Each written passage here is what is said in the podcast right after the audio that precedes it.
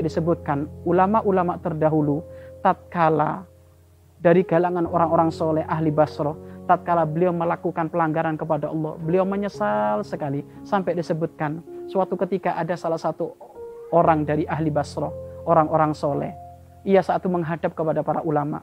Wahai ulama apakah Allah akan mengampuni aku? Aku punya dosa.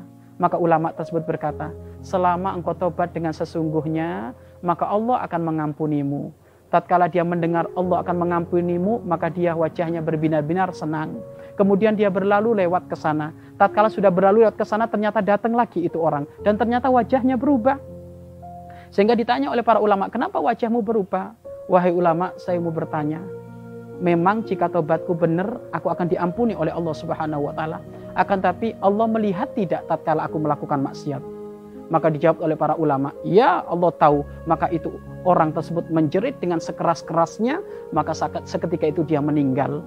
Apa yang dirasa oleh hamba tersebut? Apa yang dirasa oleh orang tersebut? Yang dirasa oleh orang tersebut adalah hubungan yang sangat dalam dirinya kepada Allah Subhanahu wa taala.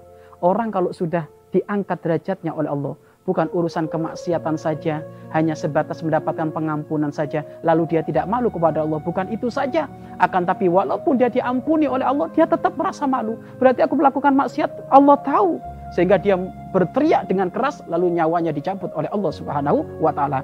Hal yang perlu kita pahami dari apa yang dilakukan oleh orang tersebut adalah satu, dia memahami Allah Maha Kasih dan Sayang.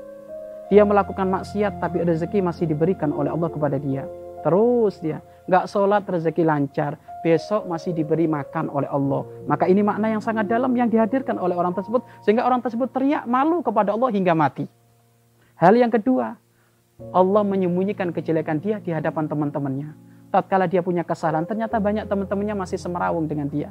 Banyak teman-temannya masih masih hidup bareng dengan dia. Banyak teman-temannya masih menghormat kepada dia. Padahal dia punya maksiat. Artinya apa? Kemaksiatannya ditutup oleh Allah Subhanahu wa taala. Kemudian hal yang ketiga, ternyata Allah tidak langsung mengadab dari orang yang melakukan maksiat. Dengan tiga hal inilah menjadikan orang tersebut merasa malu sehingga teriak dengan kencang, teriak dengan keras sekali hingga dia mati.